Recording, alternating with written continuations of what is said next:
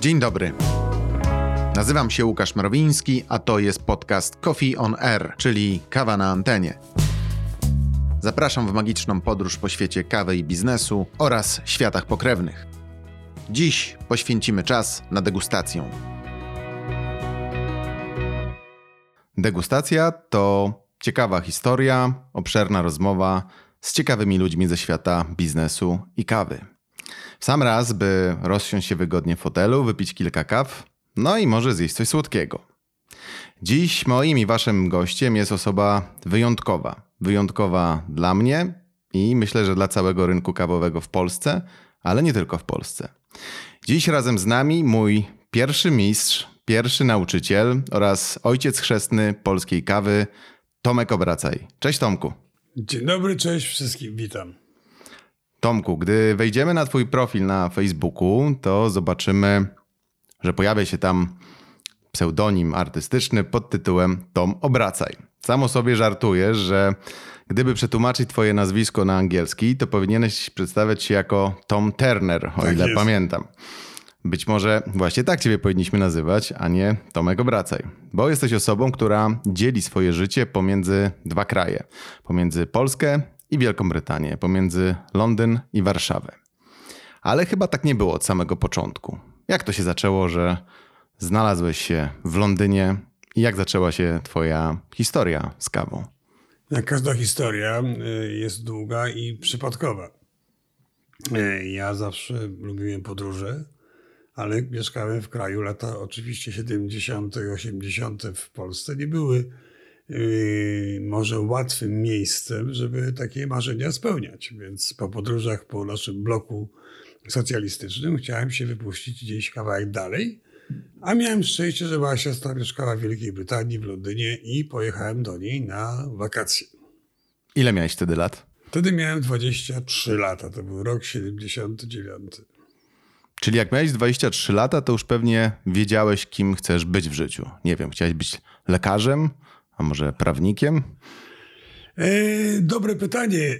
E, chciałem pracować w telewizji. Zawsze miałem e, wielką ochotę, żeby być częścią tworzenia obrazu, częścią, mieć taką pracę, która nie będzie nudna, mieć taką pracę, która będzie codziennie inna, że będą inne, będzie temat się zaczynał i kończył i będzie coś nowego. Ja nienawidzę nudy, nienawidzę takiej monotonności w życiu, więc to był taki dla mnie wybór Natomiast to miał prywatną inicjatywę, produkował artystyczne e, świeczniki, lampy. E, wtedy się nazywało rzemiosło, czy pry, pry, prywatna inicjatywa, która no, dawała w miarę powiedzmy sobie dobre pieniążki i jakąś ewentualnie przyszłość. Natomiast mnie dalej ten świat bardzo, bardzo ciągnął, więc wyjechałem do siostry i w międzyczasie dodam, że e, w Polsce byłem e, zaangażowany w budowę pierwszego i ostatniego studia telewizyjnego w szkole, w technikum na Koropczyckiego w Warszawie, gdzie Ministerstwo Szkolnictwa razem z Telewizją Polską chciało stworzyć naukę przez telewizję. W hmm. każdej klasie dostaliśmy po ekranie. Ja dostałem studio telewizyjne, dostałem kilka projektorów, magnetowidy i miałem to prowadzić. To miało polegać na tym, że y, telewizor wymieni nauczyciela. Y, projekt bardzo fajny. Y, poznałem mnóstwo wspaniałych ludzi z telewizji. Natomiast praktyka oczywiście była jak zawsze, czyli jak nauczyciel wychodził z klasy, to dzieciaki robiły wszystko, tylko nie oglądały materiałów naukowych w telewizji.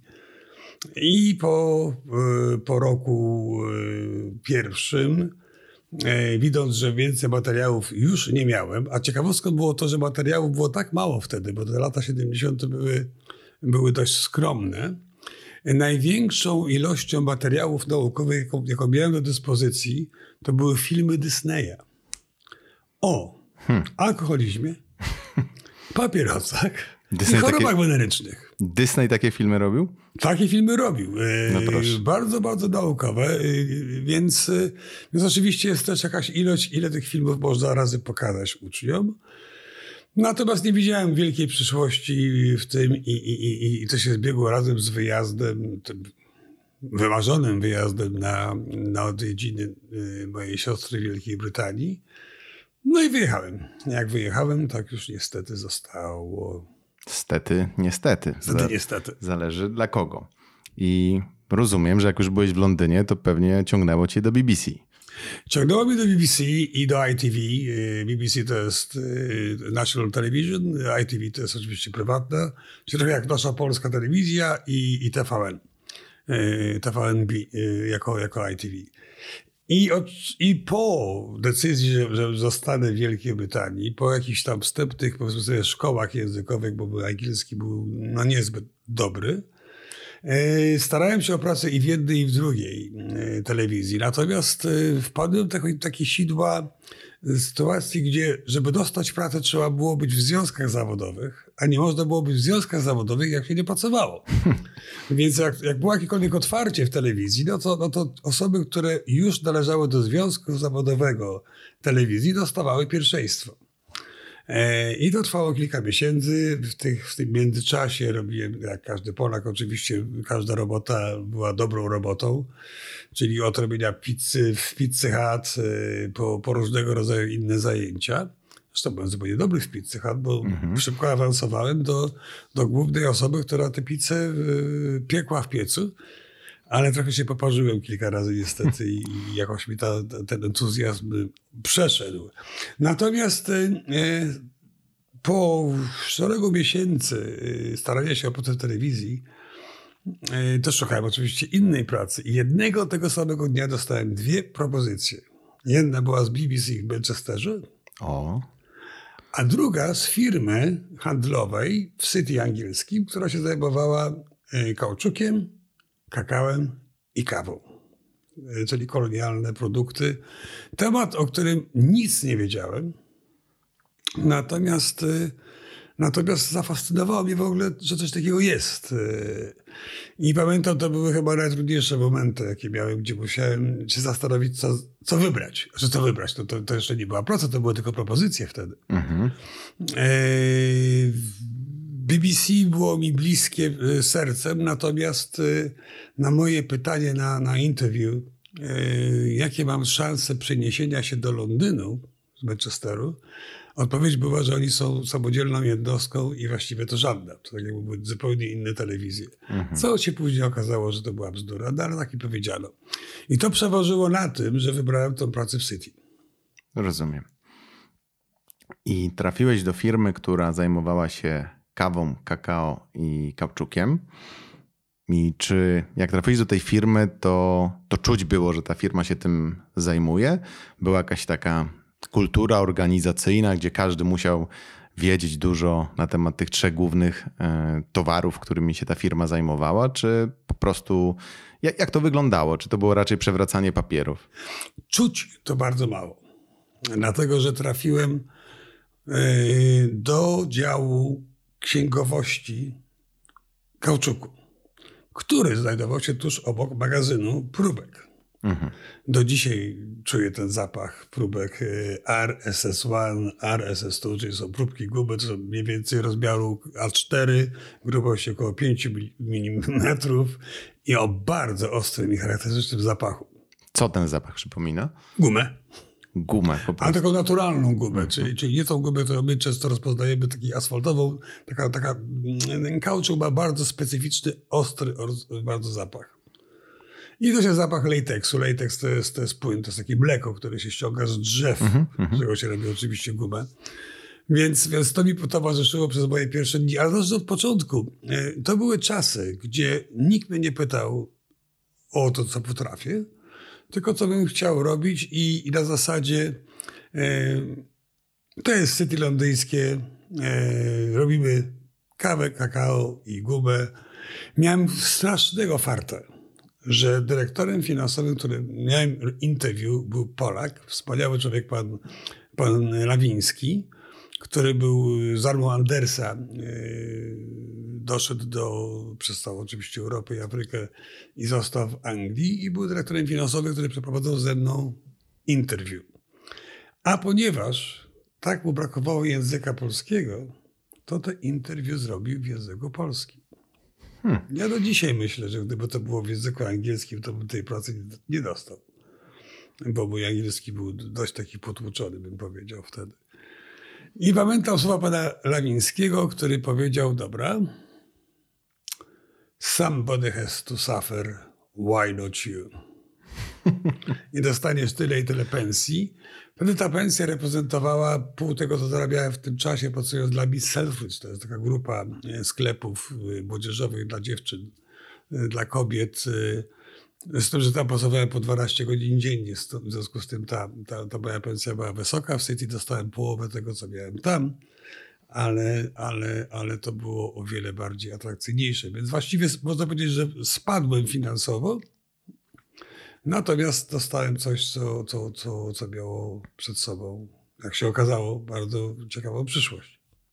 A w którym momencie wyczułeś, że to może mieć dla ciebie lepsze perspektywy, pomimo tego, że na początku to wynagrodzenie było jednak niższe niż to, to które dostawałeś. Czy to przekonał cię e, twój szef, czy co, co, co sprawiło, że jednak poszedłeś w zupełnie innym kierunku? Siostra miała znajomych, którzy byli w, byli w biznesie, jej mąż też był w biznesie w City i powiedział, słuchaj, wszyscy zaczynają w ten sposób. Po prostu zaczynasz od zera. I od ciebie będzie zależało, jak się zbudujesz, I nie myśl teraz o pieniądzach, myśl o tym, co chcesz robić i czy potrafisz, pokaż, wykaż się. A, a pieniądze przyjdą w odpowiednim momencie. Yy, to ja wiem, to brzmi troszkę zwariowanie, ale, ale, ale, ale posłuchałem go. I faktycznie yy, już po, po trzech miesiącach dostałem pierwszą podwyżkę, a po sześciu miesiącach już miałem to, co miałem w poprzedniej firmie i później to, to rosło dość, bym powiedział, ładnie i proporcjonalnie. I czy to był cały czas ten dział księgowości i nie, nie, nie. kauczuku? Nie, właśnie.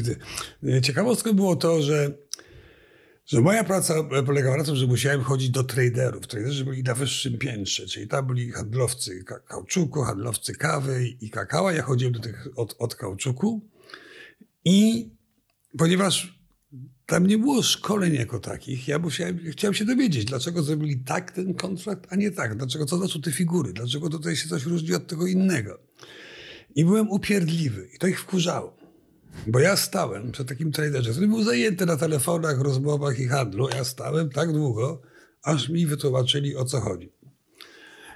I i, i, I, dzięki temu chyba ktoś to zauważył i powiedział, on jest, ten obrazek jest taki upierdliwy, że mam go dosyć, zróbcie coś z nim. I zrobili. Przenieśli mnie do, do, do działu kawy, przyszedł, przyszedł dyrektor kawowy i mówi, słuchaj, jest otwarcie na giełdzie kawy. Ja wysłałem. Otwarcie na giełdzie kawy. Szukamy maklera do naszego zespołu, który będzie pracował na giełdzie londyńskiej. E, chcesz zobaczyć? Jestem, zobaczę. Zabrali mnie na giełdę. Po pierwszej minucie wiedziałem, że nic z tego nie będzie. Zobaczyłem około 80 rozdartych facetów, wrzeszczących na siebie, e, wymachającymi rękami i, i, i, i, nie miałem w ogóle pojęcia o co chodzi. Więc powiedziałem, nie dziękuję, ale nic z tego nie rozumiem, nie wiem w ogóle o co chodzi. Wróciłem do tej swojej księgowości w gumie. Po dwóch miesiącach wezwał mnie dyrektor y, naczelny, mówi, słuchaj, Dalej szukamy kogoś na, na flow trade w kawie. My nie lubimy brać ludzi z zewnątrz, byśmy woleli kogoś wziąć stąd. A myślę, że może by dało być radę. Poszedłem już na dłużej. Poszedłem tak na parę godzin. Dostałem przepustkę, żeby tam posiedzieć, posłuchać. To samo. Minęły dwie godziny. Byłem przerażony. Nie miałem w ogóle pojęcia, co tam się dzieje i o co chodzi. Więc powiedziałem, że bardzo dziękuję, ale jednak ogon podwinąłem i wracam do tej swojej Ares 1 tego zapachu okropnego gumowego. Minęło znowu dwa miesiące. I dyrektor naczelny mnie wezwał i powiedział, Tomek, y, już teraz musimy kogoś wziąć, masz, masz szansę. Pomyśl do jutra, E, czy byś chciał, czy byś nie chciał. I wtedy właśnie się poradziłem e, męża mojej siostry, który, który, który pracował w biznesie i ja mówię, Tomek, oni ciebie już więcej nie poproszą. To jest twoja jedyna szansa, żebyś ruszył się z tej księgowości, bo zostaniesz w administracji do końca życia. To tak działa. Oni, oni wyciągają ludzi z administracji, tych, co uważają, że mają jakąś szansę, a reszta mhm. po prostu siedzi tam do końca życia w tym swoim pokoiku i liczy kartki i numerki. No i zgodziłem się. To polegało na tym, że musiałem spędzić najpierw 6 tygodni z tak zwanym niebieskim guzikiem, czyli nie wolno mi było nawet kichnąć na giełdzie. To był okres tak zwanego przygotowania, czystej obserwacji giełdy, ale nie wolno mi było ani machnąć ręką, ani cokolwiek powiedzieć głośno, żeby nie, nie, nie, naruszyć, nie naruszyć giełdowego porządku. Yy, tam w sobie tak porządku to nie było, bo chłopaki albo pozowali jak zwariowani, albo nic nie działo i w piłkę grali. Papierową piłkę oczywiście. A tam nie było wstępu dla publiki, więc nikt nas nie oglądał. I po tych sześciu tygodniach zbierała się komisja, która decydowała, czy mogę zostać na giełdzie na podstawie mojego milczenia, bo z jakiej jeszcze innej racji, czy, czy im w ogóle pasuje w tym towarzystwie. I się zgodziła. Dostałem tak zwany czerwony guzik, który miał przypięty y, na klamie marynarki, tak zwany red button. Red button znaczy, że mogę się odzywać y, tylko i wyłącznie, nawet coś mogę kupić lub sprzedać, ale tylko i wyłącznie w, y, w towarzystwie mojego opiekuna. Czyli jak stoi koło mnie kwalifikowany sprawami trader, to ja mogę wtedy coś zrobić. I to też trwało szereg tygodni. E, nazywali mnie Tommy Tuloc, dlatego że zacząłem sobie kupować i sprzedawać po dwa loty. Bo się bałem. Jest się dwa loty, więc I buy to lots, I sell to lots i tak dalej. Więc dostałem tą ksywkę Tommy to lots i tak już zostało do końca mojej działalności giełdowej. E, po chyba to trwało parę miesięcy dobrych. Praca na giełdzie jest trudna, bo na, na giełdzie czasami niektóre transakcje robi się w ten sposób, że ja sobie sam sprzedaję. Czyli mam zadanie zakupu i zadanie sprzedaży od dwóch różnych kontrahentów. Zamiast to otworzyć na giełdę, to robię to sam wewnętrznie, ale nie wolno mi sobie sprzedać samemu, więc musi, trzeba wyjść na środek y, tego flow, miejsca y, traderów i bardzo szybko zrobić transakcję pod tytułem sprzedaję to za 105, kupuję to za 102, sprzedaję za 104, kupuję za 103, 103,5 zrobione. I muszę to tak szybko powiedzieć, żeby nikt nie zdążył mi wejść w słowo i albo kupić tą drugą nogę transakcji lub sprzedać. Eee, potrafiłem to zrobić, tylko miałem cholernie ciężki akcent. I dużo chłopaków nie miało pojęcia w ogóle, co ja tam wykrzykuję. Byłem tak zdenerwowany. Więc wychodziłem na tą środek giełdy i wrzeszczałem i tam tysiąc lotów zrobionych. Oni, kurde, co zrobił w ogóle? O co tutaj chodzi? No i awantura do, do, do szefa giełdy, ten obraca i ten tuloc. On ma taki akcent, że ja nie wiem, czy w ogóle damy z nim radę. No ale chłopaki mnie lubili. I muszę powiedzieć, że to mam, mam, naprawdę wspaniałe wspomnienia. Zdałem ten egzamin. Egzamin później polegał na tym, że to było your word is your bond. Czyli po prostu jak jesteś na giełdzie, jak dobrze słyszeliście z, z, z innych źródeł, to wtedy są nie zatrzymania. Ja mogę kupić całą kawę na świecie i moja firma i giełda musi za tym stanąć, bo mogę sprzedać. Nie mam, po prostu jakby mi odbiło, to jestem nie do zatrzymania. I, I to było bardzo ważne, żeby dostać, no jest to bardzo odpowiedzialne w sobie. No, mówmy się tak, jeżeli się jest na giełdzie i, i, i mieliśmy oczywiście swoje zasady. Zasady były takie, że żeby nie pokazać ręki, czyli na przykład ja mam za sobą Nestle, które chce kupić dużo kawy. Prosi mnie, żebym to wykonał na giełdzie. Ja nikomu nie mówię, ile tego jest a z drugiej strony jakiś chłopak gdzieś tam będzie na przykład z kolumbijskim yy, rządem, który akurat chce wypuścić na rynek yy, czy, czy sprzedać, zahedżować sobie kawę na następny zbiór. I też nikomu nie powie, ile tej kawy chce sprzedać. Więc ja wtedy wychodzę i na przykład mówię, że kupię 20 lotów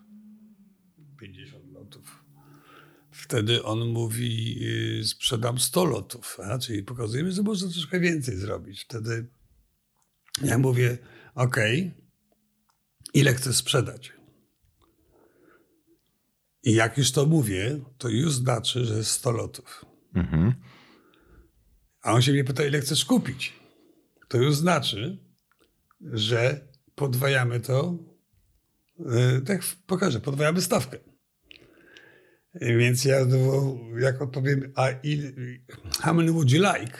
Jak się powie how many would you like, to otwieram się kompletnie na każdą ilość. Mhm. Więc to trzeba uważać, żeby tego nie powiedzieć, albo jak się to powie, to trzeba sobie zdać sprawę, że można tutaj, bo, bo wtedy już, już, już, już, już się poddaje tej transakcji. Więc robota była bardzo, bardzo ciekawa. Oczywiście trzeba pamiętać, że miałem Giełda wyglądała w ten sposób, że to była tak zwany flor, który jest w kształcie y, podkowy.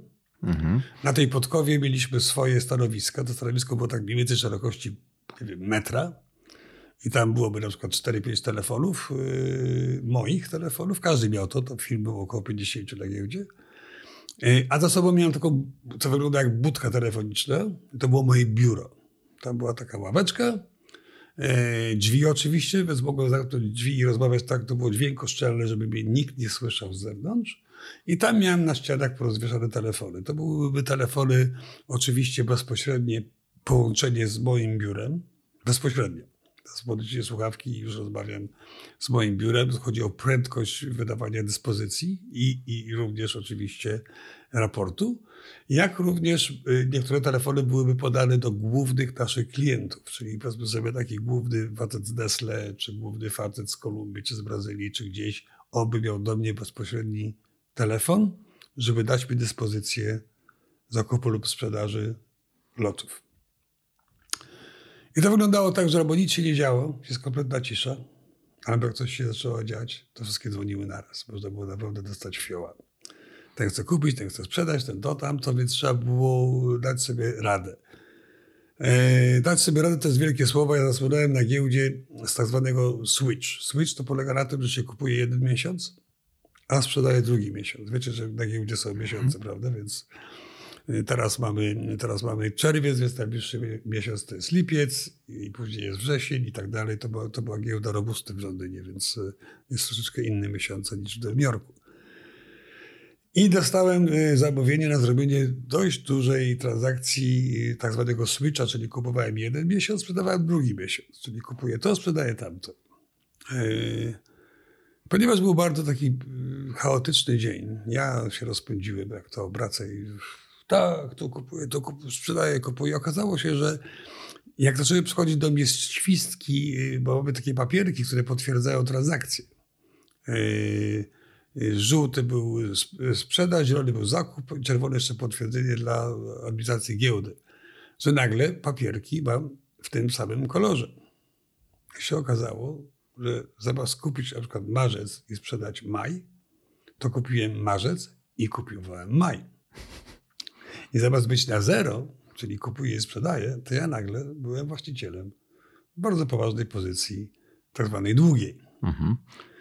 No nie będę powiedzieć, że się wobec zesrałem ze strachu. Okej. Okay. Eee, zadzwoniłem do jego szefa.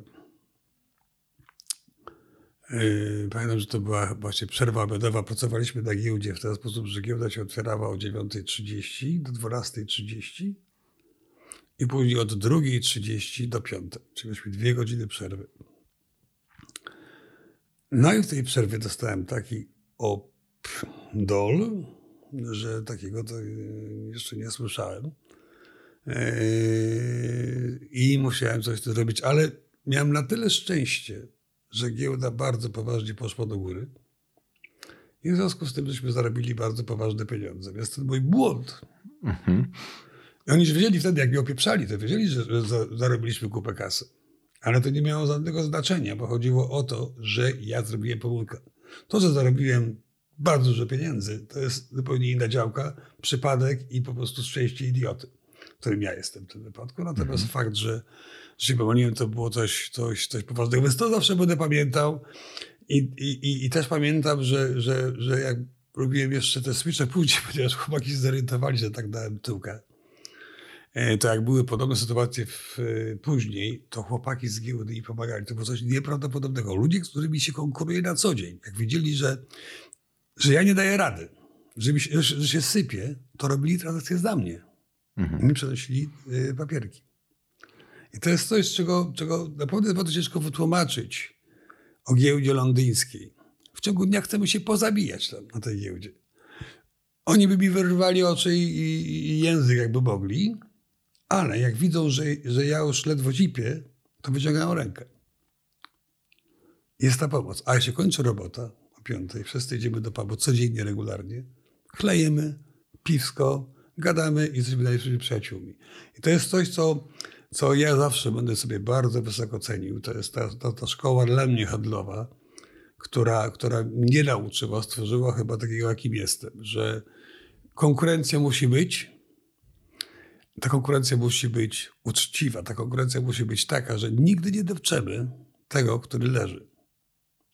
Nie wolno. To mhm. jest, y, zachować pewne rzeczy.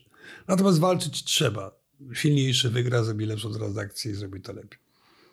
Czyli doświadczyłeś takiej giełdy, którą znamy gdzieś ze starych filmów, e, tak. ze starych fotografii, że jest grupa mężczyzn na jakiejś sali takiej całkiem sporej, przekrzykują się, mają zawieszone telefony w różnych, w różnych miejscach.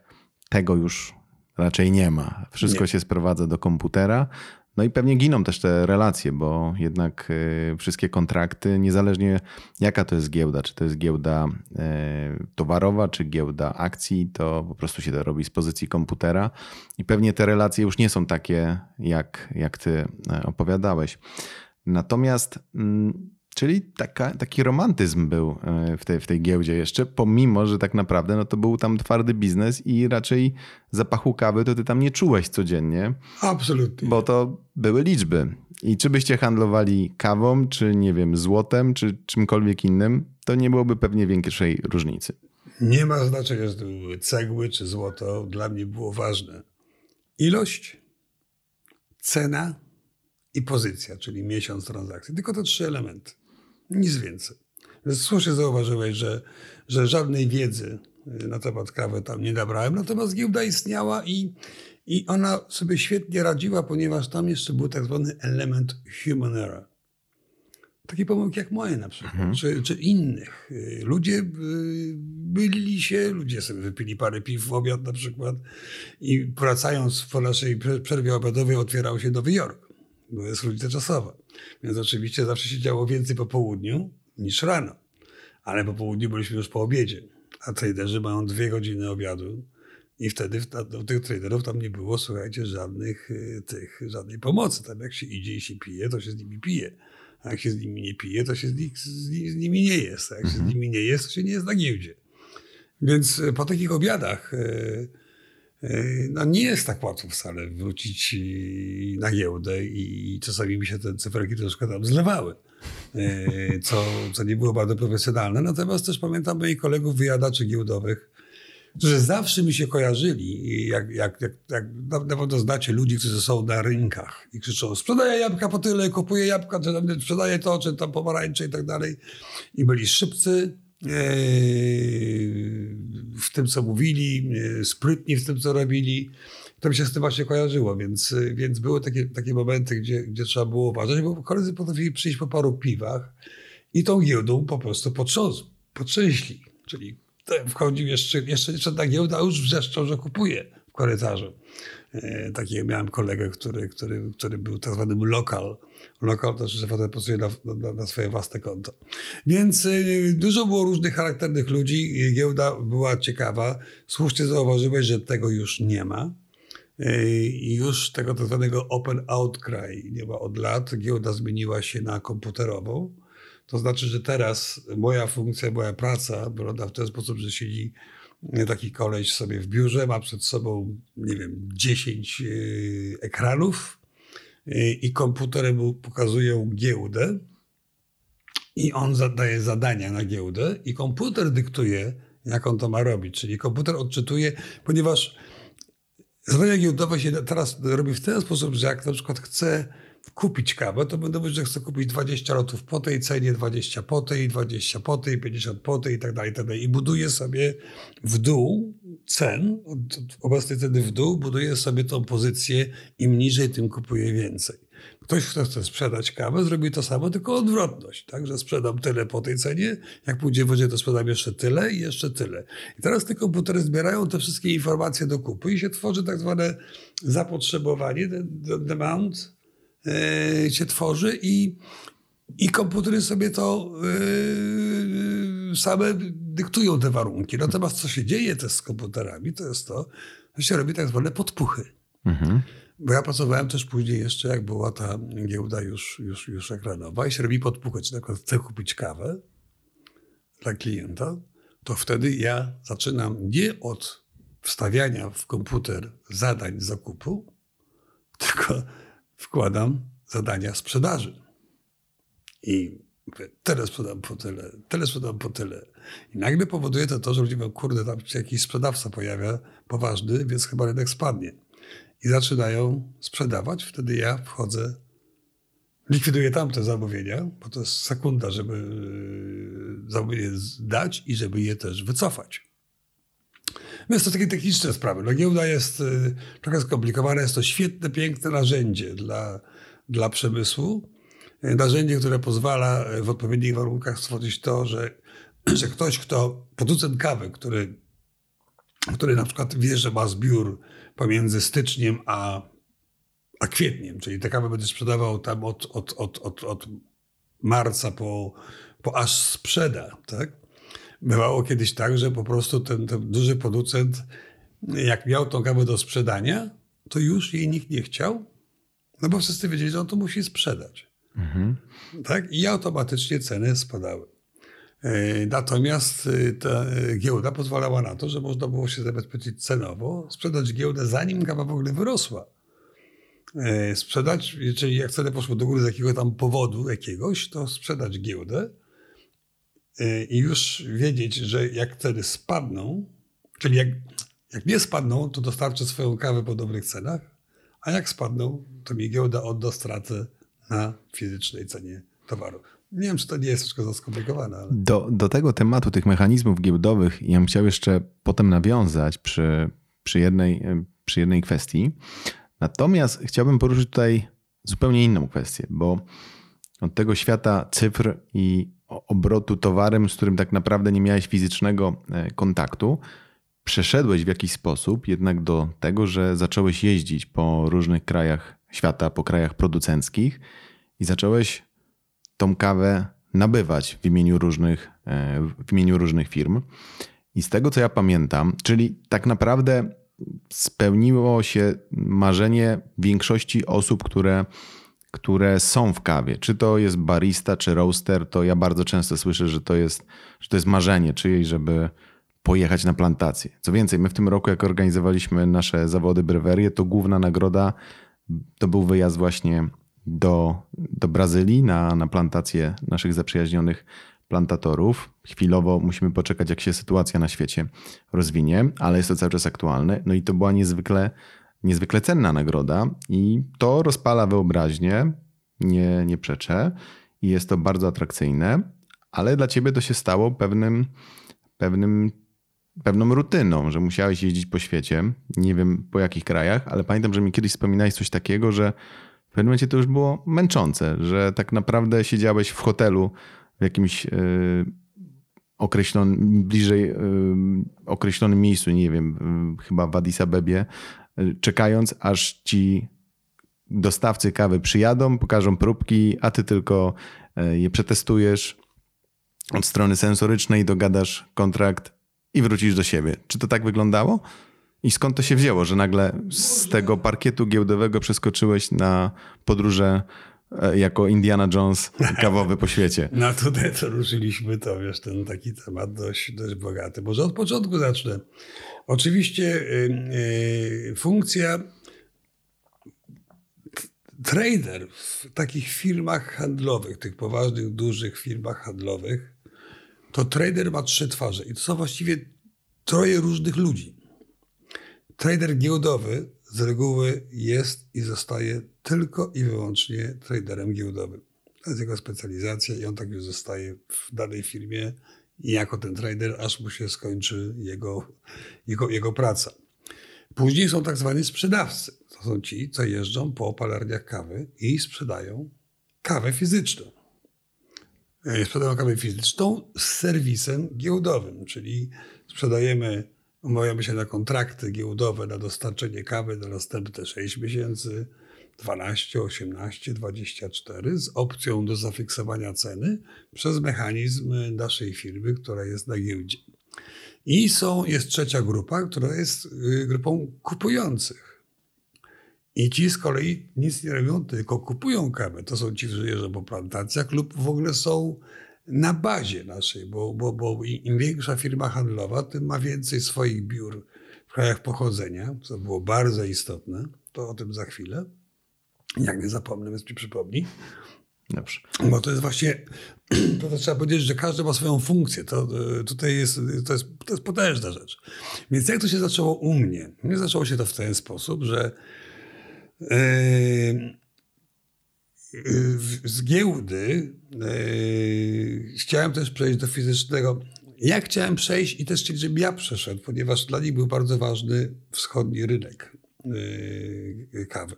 W tych czasach Polska jako blok komunistyczny, y, Polska, jak i również Północna Afryka była poza y, układem y, organizacji ICO, czyli była poza strukturami.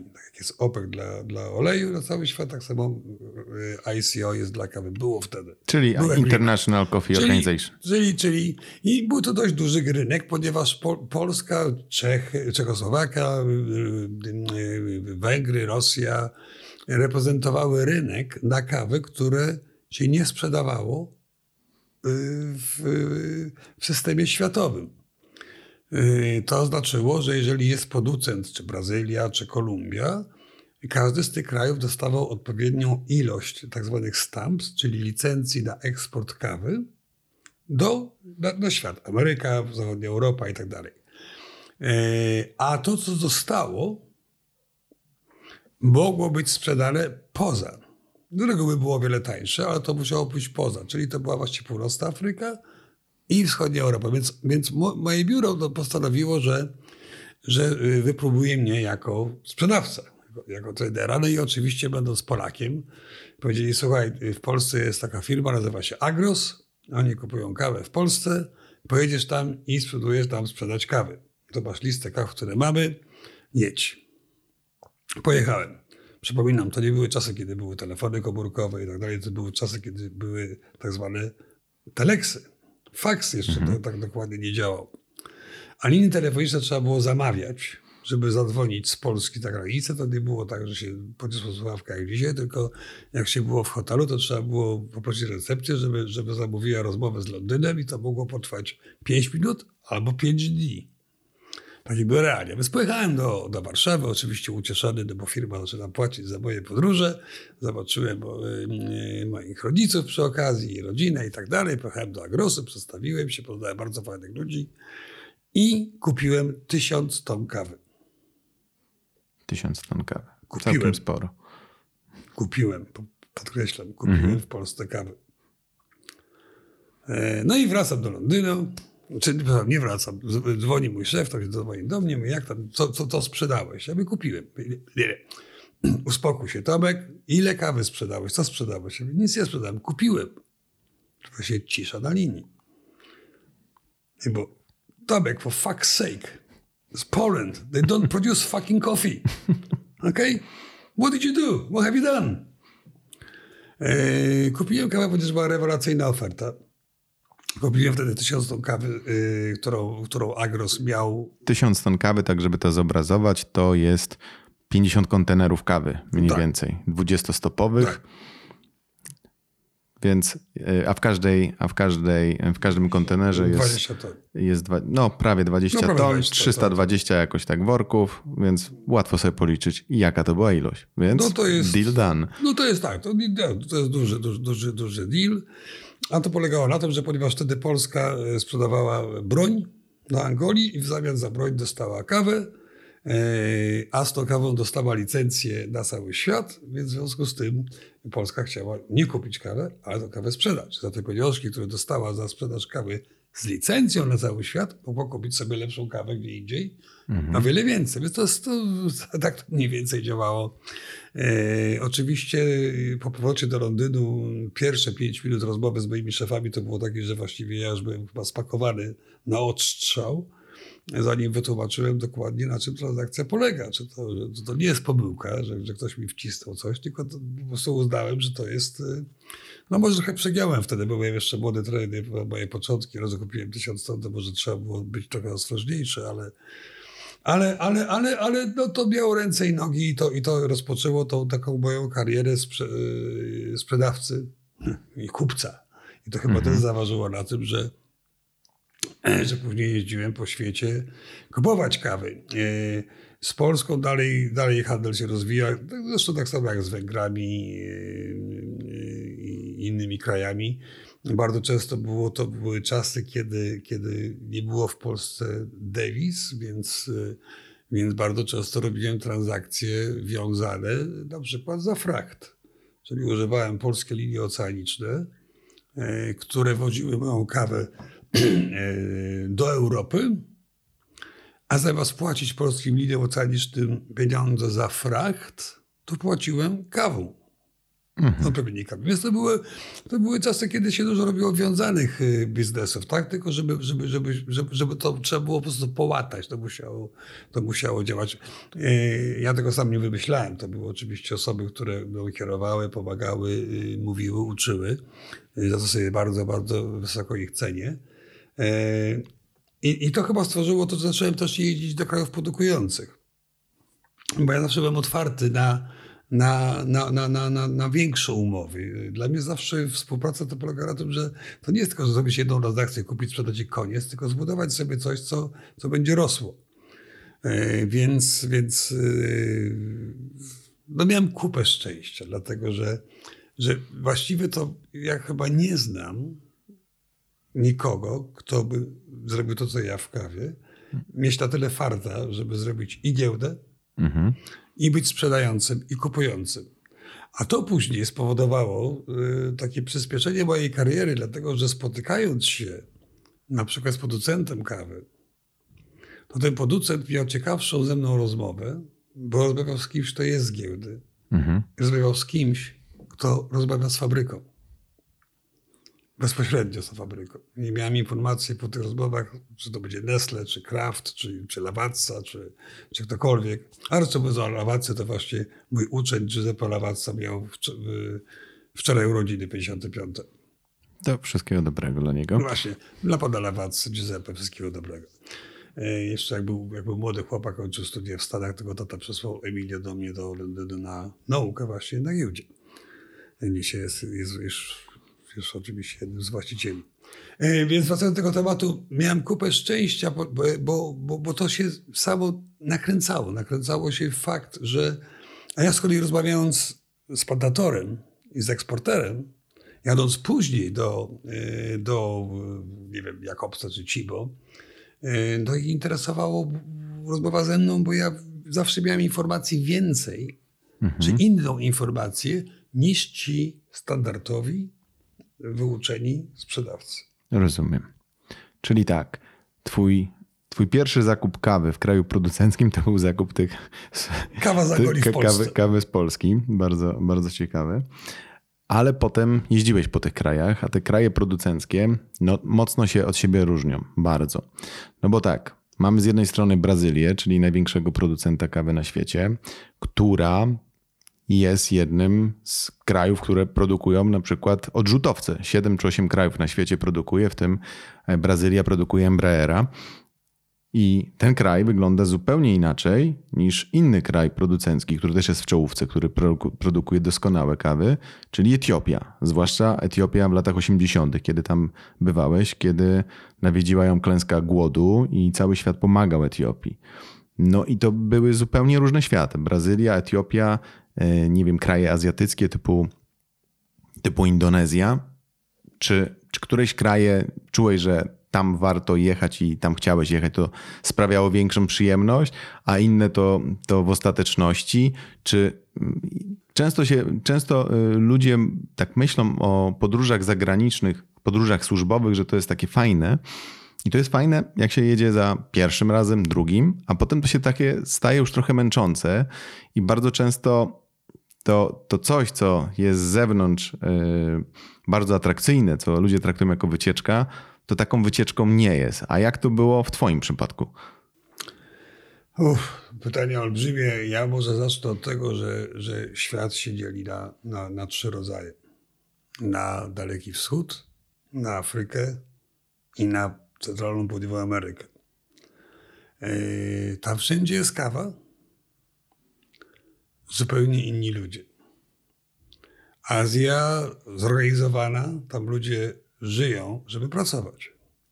Tam działa to wszystko zupełnie w inny sposób. Tam jest kwestia honoru, kwestia akceptacji yy, partnera handlowego. Tam mi się udało zrobić bardzo duże interesy i karierę, dlatego że ja się nie bałem niczego. Nie byłem takim Anglikiem, który przyjeżdża i nie weźmie, nie wiem, nie zje tego, bo to jest nietoperz, czy, czy, czy nie pójdzie do klubu nocnego takiego czy innego, e, czy głównie chodziło o jedzenie, mi się wydaje, i ich kulturę. I, i, i, i, I trzeba się dostosować. Mi się udało to zrobić i dzięki temu e, to zajęło długo, to nie było takie proste, ale, ale w Azji, szczególnie w Wietnamie i w Indonezji, gdzie zrobiłem największy biznes, tam w sobie było najwięcej kawy, e, to tam miałem bardzo duże kontrakty, dlatego że lokalni ludzie po prostu nabrali do mnie zaufanie. Trzeba pamiętać, że, to, że, że, że, że w tej części świata e, ludzie, którzy są właścicielami lub tymi głównymi osobami są wszyscy Chińczykami. Mimo, że na przykład w Indonezji mają nazwiska indonezyjskie, bo kiedyś mieli opcję albo, albo zostajesz w kraju i zmieniasz nazwisko na indonezyjskie, albo wylatujesz z kraju. Więc są różne, różne historie. Każdy kraj się różni. To może za chwilę o tym. Natomiast wróćmy na to, więc to jest Azja. Azja zorganizowana. Przepraszam. E, I tam jest pracowita. E, jest zupełnie inna zupełnie inna, inny styl życia, inny styl jedzenia, inny styl kultury. Później idziemy do Afryki, która ja nie za bardzo przepadałem za Afryką, dlatego że od, od, od elementów higieny po element, powiedzmy sobie, tego tego zwolnionego tempu, tego chaosu mhm. i, i, i, i, i, pewnego rodzaju wykorzystywania ludzi, e, łapownictwa, e, ja za dużo prze, przeszedłem w Afryce. Ja, ja jestem zdegustowany Afryką. To, to, że ja na przykład muszę jechać do portu i, i do dyrektora portu, bo, bo wiem, że na moim statku nie załadowali 20 czy tam 50 kontenerów i facet siedzi, ma, ma, ma, ma trzy Rolexy na jednej ręce i, i dwa kartiery na prawej ręce. Nie wiem, po cholery mu tyle zegarków, a tutaj ma w marynarce 10 złotych długopisów i on na mnie patrzy z jedno, jednym okiem otwartym, że no containers are on the boat. A ja wiem, że nie są. Po prostu ludzie kłamią i nie wiem, czego wymagają. Ja to jestem dość stricte w tych sprawach, więc, więc y, ale, ale w ogóle jak się ląduje w Afryce, to się od razu wyczuwa. Y, wyjście z samolotu jest, jest od razu się wyczuwa, że, to, że się wchodzi w coś o zwolnionym tempie. Ta temperatura mhm. i, i, i która jest taka sama jak, jak w Azji, czy taka sama jak w, w, w centralnej Ameryce. Jest zupełnie inaczej. Tam wszystko inaczej działa jest, y, y, nie ma tego szacunku człowiek do człowieka. Y, Afrykanie mają tą hierarchię, czyli jak się idzie do budynku na przykład, to to jest winda dla, dla, dla, dla dyrektorów i dla gości zagranicznych, a, a reszta jeździ innymi windami. No zresztą z pewnych względów higienicznych i zapachowych to może nie jest taki zły pomysł, ale nie chciałbym tutaj wdrażać. I, I, wchodzimy, I wchodzimy w temat y, centralnej i południowej Ameryki, gdzie, gdzie jest moje ulubione oczywiście miejsce. To nie tylko dlatego, że kawa jest, jest wspaniała i bardzo lubię, bo każdą kawę lubię. Ale, ale ludzie są inni. Tam, tam, tam jest połączenie tej pracy z, y, z przyjemnością. I, i, I po prostu trzeba. Tam, tam są ludzie pracowici, oczywiście, zdyscyplinowani, ale, ale znowu Latynosi są zupełnie inni. Tam jest, tam jest ten taki element radości życia, element, y, element przyjaźni zupełnie na innych zasadach y, niż, niż na przykład w Azji czy w Afryce, gdzie trudno o przyjaźni jest mówić, bo tam nikt nikomu nie wierzy specjalnie. Rozumiem. No, czyli, czyli masz swoje preferencje, jeżeli chodzi o, o kraje producenckie, bardziej pod kątem tego, jacy ludzie, e, jakie społeczeństwa za tym stoją. Jeżeli chodzi o sensorykę samych ziaren kawy, to pewnie wszystko zależy od, od tego, kiedy, jaką kawę pijesz i to, to już nie jest chyba takie jednoznaczny wybór, bo to ja zdaję sobie z tego sprawę, że co innego może nam smakować e, zimą, co innego latem, co innego rano, co innego po południu i tak dalej. Ale ja bym chciał teraz wrócić do Londynu. No bo jeździsz po tych krajach producenckich, ale Londyn, w ogóle UK wówczas, no to nie było to samo, co jest teraz. Londyn w tej chwili jest to jedna ze światowych stolic kawy i wiadomo, że można tam kawę napić się praktycznie wszędzie i bardzo różnej jakości. Od kaw wybitnych po jakieś bardzo słabe, ale na każdym, na każdym rogu jest kawa, wszyscy piją tą kawę, ale jednak w latach 80. tak to nie wyglądało. I, i to chciałbym powiązać z przybyszami, z przybyszami głównie za Wielkiej Wody.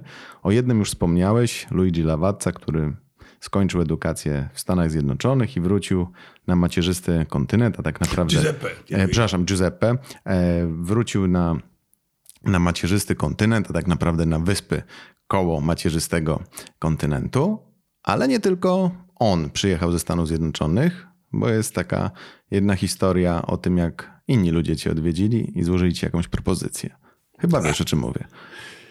Wiem, tak, to nie jest taki może naj, najciekawszy moment y, mojej kariery zawodowej, ale faktycznie to był, już nie pamiętam teraz dokładnie, ale to było w połowie lat 90., gdzie gdzie dostałem informację, że, że jest że delegacja ze Starbucksa y, chciała ze mną porozmawiać, czy się mogą spotkać i tak dalej, i tak dalej. Więc oczywiście y, czemu nie, ponieważ też miałem, moja, firma miała oddział w Y, zresztą była wtedy moja firma w ogóle była amerykańską firmą, więc mieliśmy oddział w Stanach, w Nowym Jorku, więc to były powiązane, to mieliśmy klientów. Więc tak spotkaliśmy się i, i, i, i powiedzieli mi na tym spotkaniu bardzo sympatyczni ludzie, że, że myślą o wprowadzeniu sieci kawiarni y, w Wielkiej Brytanii i w ogóle w Europie. No, jesteśmy Starbucksem, mamy to, tamto. To był czas, kiedy wszyscy oglądali serial Friends i tak dalej, więc było wiadomo, że się robi moda na kawę. Natomiast zapytali, jaka jest moja opinia na ten temat. Czy to jest, czy, czy, czy, czy, czy, czy, czy ja to widzę, czy, czy, czy mogę im doradzić, czy mogę im tutaj jakoś, jakoś pokierować. No, ja powiedziałem, kochani, muszę was zmartwić, dlatego że, że ja tutaj żadnej szansy dla was to specjalnie nie widzę. Jest to, jest to kraj, który numer jeden jest tradycyjnie krajem herbacianym, jeżeli chodzi o napoje niealkoholowe i ta tradycja jest bardzo wielka bardzo znana, wychuchana, wypieszczona. I te five o'clock tea są tutaj elementem y, prawie tak, tak wielkim jak espresso w, we Włoszech jest tą religią, to ta herbatka jest tutaj tą religią. A drugi element to są puby, które są nie do pobicia i, i do tego stopnia nawet, że że u nas, jeżeli się chce wytłumaczyć komuś, nie wiem, dojść tam do, do, do szkoły jakiejś, to się nie mówi iść tą ulicą, nie wiem, Narutowicza prosto i skręć w piękną w lewo, tylko się mówi idziesz do pubu, tego King's Head Pub, przy King's Head Pub skręcasz w prawo i tam idziesz do Mary's Pubu i z Mary's Pubu tam z tyłu druga ulica znajdzie swój adres. Więc ja absolutnie nie widziałem e, tutaj jakiejś tam przyszłości. No, więc jak to się mówi, what the fuck? jak się można pomylić, bo, bo jak się nie mylę, to chyba dwa albo trzy lata później otworzyli pierwszą kawiarnię na, znaczy, że na, to było na Kings Road, jak się nie, nie wiem. E, a, a, a, później się posypało. E, moja ostatnia praca w Londynie na, na Barclay Square, na Mayfair, to miałem na tym moim skwerze, to miałem Pret, Costa, e, Starbucks, Nero i coś jeszcze z, z sandwichami. E, e, wszędzie kawa. Wszędzie kawa. Wszędzie Oczywiście kawa. różnej jakości. Absolutnie, absolutnie. różnej jakości. I tutaj powiem ciekawostkę, która, która, która mnie zastanowiła, bo w tym biurze miałem około chyba 50 pracowników, 60 pracowników. No więc ja obracaj, tutaj jestem w tej firmie i, i, i wszyscy wychodzimy y, codziennie na kawę. Tam ktoś zawsze z departamentu, że jak jest departament trzy osoby czy pięć osób, to ktoś codziennie wychodzi dwa razy po kawę. Ta kawa nie była taka wcale tania w tych kawiarenkach obok i wraca z tą tacką mhm. i tak mhm. dalej. Więc ja powiedziałem sobie, słuchajcie, chłopaki, no przeszkody. Rozumu trochę. Obraca i się zda, obraca i ma polarnie kawy w Polsce E, obraca i kupi maszynę i kupił piękną, największą Jurę. Wstawiłem do tej swojej firmy na Mayfair, e, sprowadziłem kawę i mówię, słuchajcie, to macie za darmo. I co? I nic. I dalej wychodzili. Bo się okazało, że to nie chodziło o kawę. O rytuał pewien. O rytuał. Oni muszą wyjść, oni muszą mhm. pójść, oni w tej kolejce muszą starać, on musi wyjść z budynku, on musi pogadać z tym baristą czy z tą baristką. E, oni muszą nie zmieniać tego rytuału. I Czyli, to jest. E... Jak to mówią Brytyjczycy, social affairs. Absolutnie, absolutnie. To jest, to jest takie rzeczy, że ja dopiero musi spróbować, żeby to zauważyć i, i zrozumieć. No właśnie, czyli tak w połowie lat 90. doradziłeś Starbucksowi, żeby do UK nie wchodził. Jakoś nie dzwonią do mnie ostatnio, ciekawe dlaczego. Ja pamiętam e, mój pierwszy dłuższy wyjazd do UK, do Londynu, kiedy w 2000 roku przyjechałem do pracy na czarno i robiłem tam e, różne rzeczy, głównie około budowlane. I pamiętam, że Starbucks praktycznie był chyba Wszędzie. Znaczy może nie wszędzie, bo to jeszcze nie był, nie był taki etap, jak jest obecnie, ale ja go pamiętam. Po prostu pamiętam ten, ten brand. Mm, ty, to, to było, tak jak sam powiedziałeś, to było już kilka lat po tym, jak e, ta delegacja ze Seattle przyjechała. Ale ty w tym czasie tak naprawdę też już zacząłeś zmieniać profil. Tak jak Starbucks zaczął zmieniać trochę profil rynku e, brytyjskiego, to ty też zacząłeś już też zmieniać profil rynku brytyjskiego i nie tylko brytyjskiego, bo pod koniec lat 90. ty i kilka jeszcze jeden, i kilka innych osób założyliście Specialty Coffee Association of Europe, czyli coś, co po połączeniu potem z Specialty Coffee Association of America zrobiło połączenie kilka lat temu i funkcjonuje obecnie jako Specialty Coffee Association. Więc ja jestem dumny z tego, że siedzę właśnie przy jednym stole z jednym z twórców tej zacnej organizacji, której też miałeś e, okazję być prezydentem, prezesem przez, przez pewien czas. I to jest też czas, kiedy zacząłeś chyba już częściej albo przyjeżdżać do Polski, albo postanowiłeś przenieść się do Polski. Więc chciałbym zapytać, skąd wzięło się SCA, a w zasadzie SCAE jeszcze wówczas, no i skąd pomysł powrotu do Polski? Uf, następny temat, wiesz, y, rzeka. W latach 80. mieliśmy bardzo poważny problem. E, ja byłem zaangażowany do, tak, do, do, w takich organizacjach, jak ICO, e, jako młody chłopak, młody trader. I wtedy e, Aleksander Botrao, Alex Botrao był dyrektorem, wspaniały e, człowiek Brazylijczyk, był dyrektorem przez wiele lat tej organizacji. Wezwał mnie, wezwał kilku jeszcze innych chłopaków, traderów, handlarzy kawą i powiedział nam, słuchajcie, chłopaki, jest kłopot. Jaki może być kłopot? Mówi do nas facet, który jest na poziomie, kurczę, wyższym od ambasadora, y, kieruje światową kawą. I co się stało? Co byśmy... przy, przyjmijmy, przy, przypomnijmy tylko, y, czym y, jest International Coffee Organization, bo to nie jest żadne stowarzyszenie, to jest organizacja, która zrzesza kraje producenckie i, I kraje konsumenckie. To jest organizacja międzynarodowa i do niej nie można po prostu się zapisać, płacąc składkę członkowską, tylko to się wszystko dzieje na poziomie e, rządowym. Tak Czyli jest. rządy mają swoich przedstawicieli, takich nie jest to funkcja ambasadorska, ale podlega to pod Ministerstwo Spraw Zagranicznych albo Ministerstwo jakieś inne odpowiednie zajmujące się e, ekonomią i gospodarką danego kraju. Potem są różnego rodzaju e, szczyty, samity i tak dalej, i tam się ustala to, co się dzieje z kawą na poziomie takim globalnym, prawda? I, no, no i ta organizacja ma bardzo mocny wpływ na to, co się w świecie kawy dzieje. Tak jest. To jest, to jest numer jeden organizacja, która właściwie kieruje tym, tym, tym światem kawy. Od statystyk po różnego rodzaju projekty, pomocy yy, deweloperskie, czyli jak, jak mogę budować yy, plantacje. No właściwie wszystko robią. Yy, I Alex powiedział, że mamy bardzo duży problem, dlatego że nam gwałtownie spada konsumpcja kawy u młodych ludzi bo pojawił, to był okres pojawienia się Coca-Coli, innych napojów gazowanych i tak dalej i nagle młodzież yy, zaczęła patrzeć na kawę jako taki napój troszeczkę staroświecki. Yy, co by znaczyło, że ci młodzi ludzie dzisiaj dojrzeją i do tej kawy mogą już nie wrócić. A my tutaj mówimy o przemyśle olbrzymim, przemyśle, gdzie jest około 250 milionów rodzin na świecie, które żyje z produkcji kawy, związane bezpośrednio. Mówimy o krajach, które, tak jak Rwanda, których właściwie główny income jest, jest kawa, e, a wiele innych krajach jest głównym, e, głównym dochodem e, danego kraju więc mamy tutaj bardzo poważny problem. I co możemy z tym problemem zrobić? I co my jako młodzi ludzie y, uważamy, że powinno być zrobione. I to był taki początek, chyba zaczęliśmy wszyscy kombinować, i co robić, jak robić i tak dalej, i tak dalej.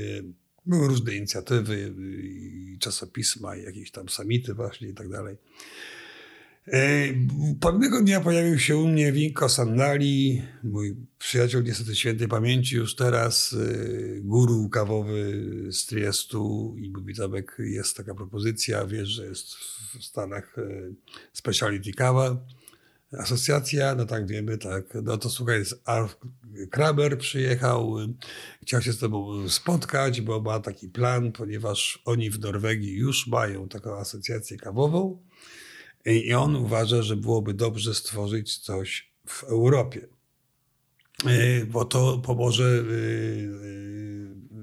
rynkowi i tak dalej. I to się zbiegło też u mnie z takim momentem życia, gdzie, gdzie jeżdżąc po plantacjach, właściwie po całym świecie i, i, i, i widząc, że tyle serca i pracy jest włożone w kawę, i tutaj podkreślam, to nie chodzi o jakość kawy. To chodzi, jeżeli się pójdzie do Sri Lanki, ta kawa po prostu jest niedobra. Mhm. Ale wytłumacz to farmerowi, który innej nie zna. Nie zna, po prostu nie zna. On nigdy nie pił innej kawy, on tylko pije swoją. Tak?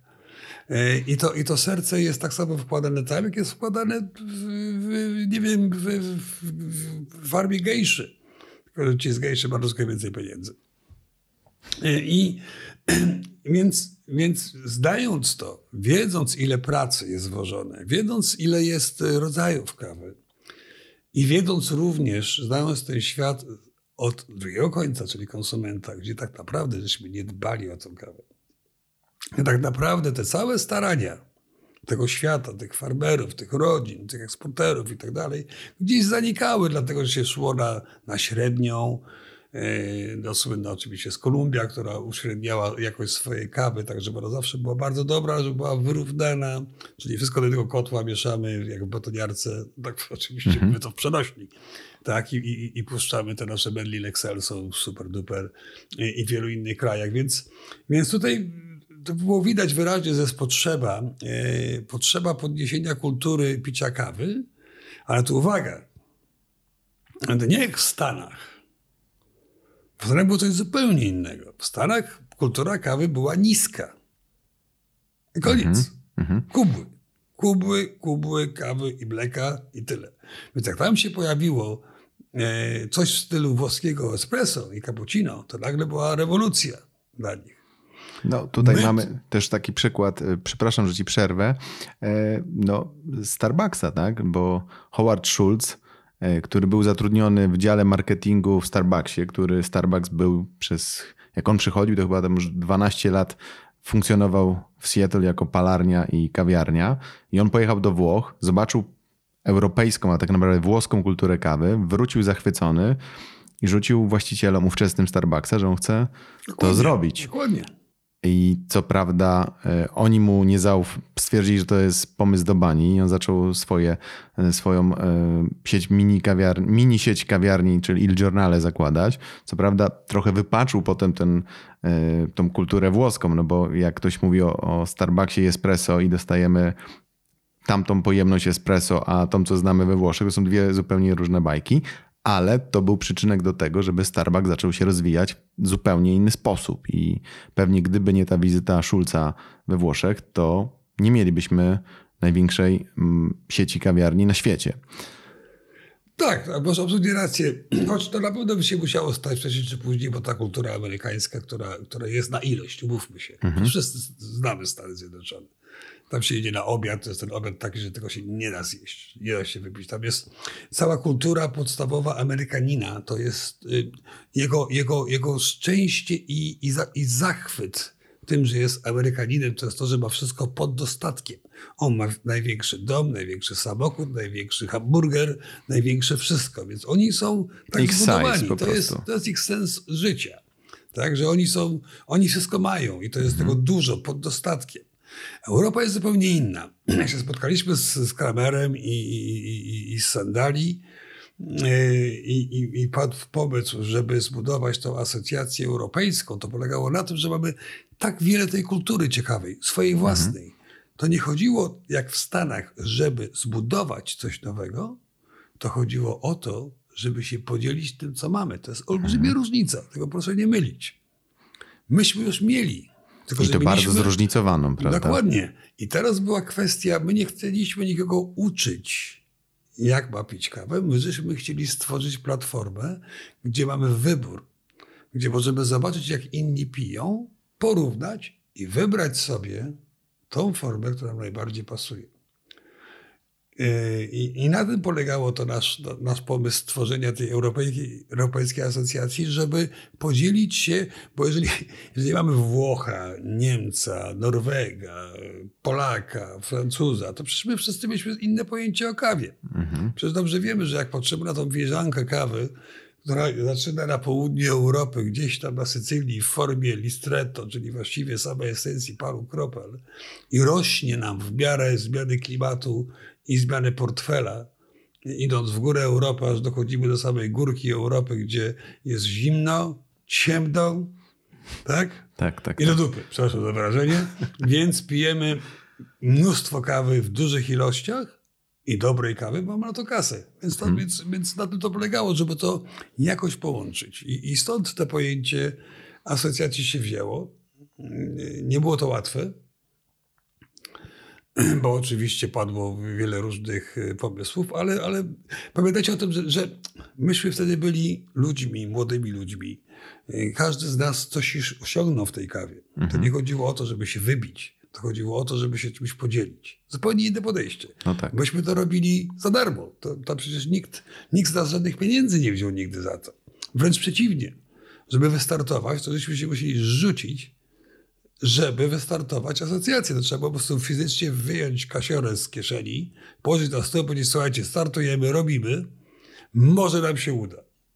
I jak będziemy mieli 50 członków z Europy, dobrze. to znaczy, że jest ok. I nam się udało to zrobić. I tak żeśmy wystartowali. I chyba takim przełomowym elementem y, na początku to było to, żeśmy, i to był znowu pomysł y, Kramera, y, bo żeśmy się zastanawiali, jak wciągnąć młodych ludzi? Co, będziemy tworzyć jakieś szkolenia? Kurczę, przez tych szkoleń jest tyle. Ludzie już mają potem tej nauki i tak dalej.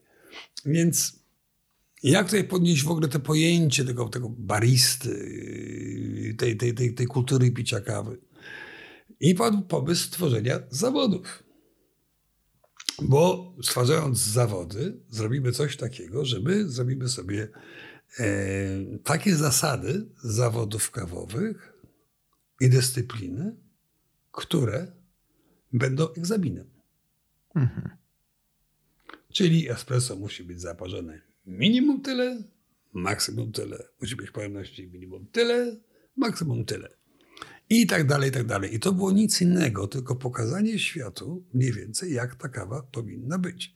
Myśmy robili pomyłki, bo kiedyś jak sędziowałem Mistrzostwa Świata i dostałem kawę, która musiałem odrzucić, bo była 16 sekund zaparzona, była tak rewelacyjna, że jest jedno z najlepszych, które w życiu wypiłem, więc oczywiście później zmienialiśmy te, te nasze zasady yy, na troszeczkę inne, bo, bo, bo, bo żeśmy może trochę za bardzo poszli technicznie w pewne sprawy. Ale to spowodowało, że powstały Mistrzostwa Świata, Oczywiście pierwsze odbyły się w Monte Carlo, naszej pierwszej konferencji, trochę nieudanej, bo, bo my oczywiście troszkę żeśmy na innej planecie wszyscy żyli, więc robimy takie spotkanie w Monte Carlo. Monte Carlo jest drogie nie, i, i, i nie przyjechało aż tyle baristów, co żeśmy się mhm. spodziewali, ale nic dziwnego, bo ani nie było tej kultury baristów, ani, ani miejsce nie było za szczęśliwe, ale tam się odbyły te pierwsze zawody y, mistrzostwa i tutaj muszę koniecznie dodać jedną rzecz. Pomysł był nasz, ale żeśmy doszli do wniosku i niesłusznie, że bez Ameryki albo słusznie nie mogą być Mistrzostwa Świata. No tak. Żeśmy Amerykę zaprosili. A dalej to już jest historia, bo żeśmy niestety oddali pół, yy, czy stworzyliśmy firmę 50-50. Mhm. My jako Europa i Ameryka jako, jako Stany, które później to właściwie przejęła, yy, teraz to przejęła nas teraz jako asocjację, to wtedy przejęła Mistrzostwa świata. I to jest takie, ja jako na starej daty facet, to trochę mnie to boli, bo żeśmy dwa razy coś stworzyli i dwa razy żeśmy to oddali. I zaprosiliśmy Amerykanów do wzięcia udziału, żeby to było y, na skalę światową i żeśmy to właściwie im dali w prezencie, a później sobie to resztę wzięli. No tak, ale masz tą satysfakcję, że od was zaczęło się coś, co teraz jest olbrzymią imprezą, która trwa tak naprawdę przez cały rok, no bo najpierw na całym świecie odbywają się eliminacje krajowe, potem finały krajowe, a potem wszyscy jadą w jedno miejsce i są finały światowe. I tych konkurencji na początku pewnie był tylko, e, była główna konkurencja, czyli barista, a potem wokół tego wyrosły inne konkurencje, czyli e, latte art, e, coffee good spirits, cup tasters, roasting. Tygielek też. Tygielek też, także wokół tego naprawdę wyrosło. Więc zobacz, bo to jest konsekwencja tego rdzenia. Mhm. A rdzeń to było wciągnięcie młodych ludzi w kawę. Więc w każdą formę. Najpierw żeśmy zrobili tą podstawę, czyli espresso cappuccino. I jakiś tam napój, ale bez alkoholu, no bo to nam nie wypadało z alkoholem. No tak. Ale później sobie pomyśleli, kurczę, no ale yy, taki dobra kawka z, z, z dobrym łusteczki to jest bardzo fajna rzecz. Mhm. Tak? Więc czemu nie wprowadzić czegoś z alkoholem? Więc jako oddzielne zresztą stworzyli kawę in good spirits gdzie już wtedy można było dla dorosłych oczywiście, bo to trzeba było pewnie zachować yy, zasady i wziąć pod uwagę świat, że, że wiek na przykład spożywania alkoholu jest inny w Stanach, inny u nas. No tak, tak. Yy, tak, więc trzeba było to wszystko jakoś poskładać do kupy, żeby to miało sens. No i te wszystkie pozostałe elementy to było nic innego, tylko szukanie następnej formy reklamy kawy u ludzi, a jednocześnie stworzenie e, tego pomysłu, że ta kawa w tylu różnych wersjach może być czymś wspaniałym. Czyli tak z perspektywy tych dwudziestu kilku lat, a w zasadzie to trzydziestu kilku lat, no bo to ten pierwszy problem, o którym mówiłeś, który się pojawił, no to był w latach 80. Tak, to było późno 80. No to ten problem został obroniony, prawda? Został rozwiązany, bo w tej chwili tak naprawdę to z kawy kawa jest oparta głównie, przy, przynajmniej ta y, kawa nowoczesna jest oparta na młodych ludziach. Pewnie gdyby, gdyby nie oni, to nie rosłyby kawiarnie, nie powstawały nowe palarnie, nie rozwijała się cała scena kawowa. Tak jest. Powiem ci tak. Y, jak ci mówiłem, to czułem w, gumie. Mhm. Miałem też epizod, y, taki około roku w Kakale. Kakao to było mhm. głównym y, działem mojej firmy. Byliśmy potężni w Kakale. Tam poznałem rodzinę Perugina i w ogóle te wspaniałości czekoladowe, światowe. Y, ale zawsze mnie ciągnęło do kawy. W kawie zawsze było, zawsze byli młodzi ludzie. Z całym szacunkiem do, do kauczuku i do gumy i do kakao. To, to, y, to w mojej firmie ta kawa to była taka młoda. A ta reszta była może, może ważniejsza dla firmy, może była, nie, nie wiem, może przynosiła więcej pieniędzy, ale była nudna. Mhm. A kawa zawsze była taka z jajem. To było coś, coś, co mnie przyciągnęło od razu. Ja do tej kawy, kurczę, ja poprosiłem, jak wzięli do kakao, tam miałem lepszą pensję w dziale kakao, to ja poprosiłem, żeby mnie przenieść z powrotem do kawy. Mhm. On tylko tyle powiem. E, e, bo to, co powiedziałeś. Więc tak, faktycznie stały się dwie rzeczy, które są dla mnie bardzo, bardzo ważne. I to ma taką satysfakcję wewnętrzną, że, że y, y, z grupą oczywiście tysiąca ludzi, setki tysięcy ludzi brali udział, że zrobiliśmy dwie rzeczy. Udało się dwie rzeczy zrobić, na pewno. To, tak jak powiedziałeś, obronić kawę u młodych ludzi, ale też stworzyć u młodych ludzi pojęcie, że zawód barista to żaden wstyd. To nie jest to, że ja mam przerwę na studiach albo coś tam, to ja sobie pójdę. A ponieważ nic nie umiem robić, tak, bo nie umiem ani gotować, ani sprzątać, no to, no to będę robić kawę. Tak? I tutaj, tutaj jest coś, co żeśmy się starali, żeby, żeby zbudować, żeby, żeby powstało takie samozadowolenie i, i to taka jak to powiedzieć, to szukam słowa, yy, satysfakcja, żeby się nie wstydzić tego, że, że, to, że, że ta kawa to nie jest taka prosta. I też tutaj troszeczkę można, trzeba się nauczyć. Raz to jest budowanie rakiety, ja wiem, ale, ale, ale, ale żeby to satysfakcję. I tak powiedziałem, to stało się receptą dla wielu ludzi na życie. Ja zawsze mówiłem to od początku moich zawodów, na każdych zawodach, które, które organizowałem, że pamiętajcie, to jest przypadek, to jest przygoda, ale ta przygoda i ten przypadek jak w moim wypadku stała się receptą na moje życie, równie dobrze się może stać receptą na wasze życie. I tak się dzieje i to jest, to jest chyba w tym najpiękniejsze.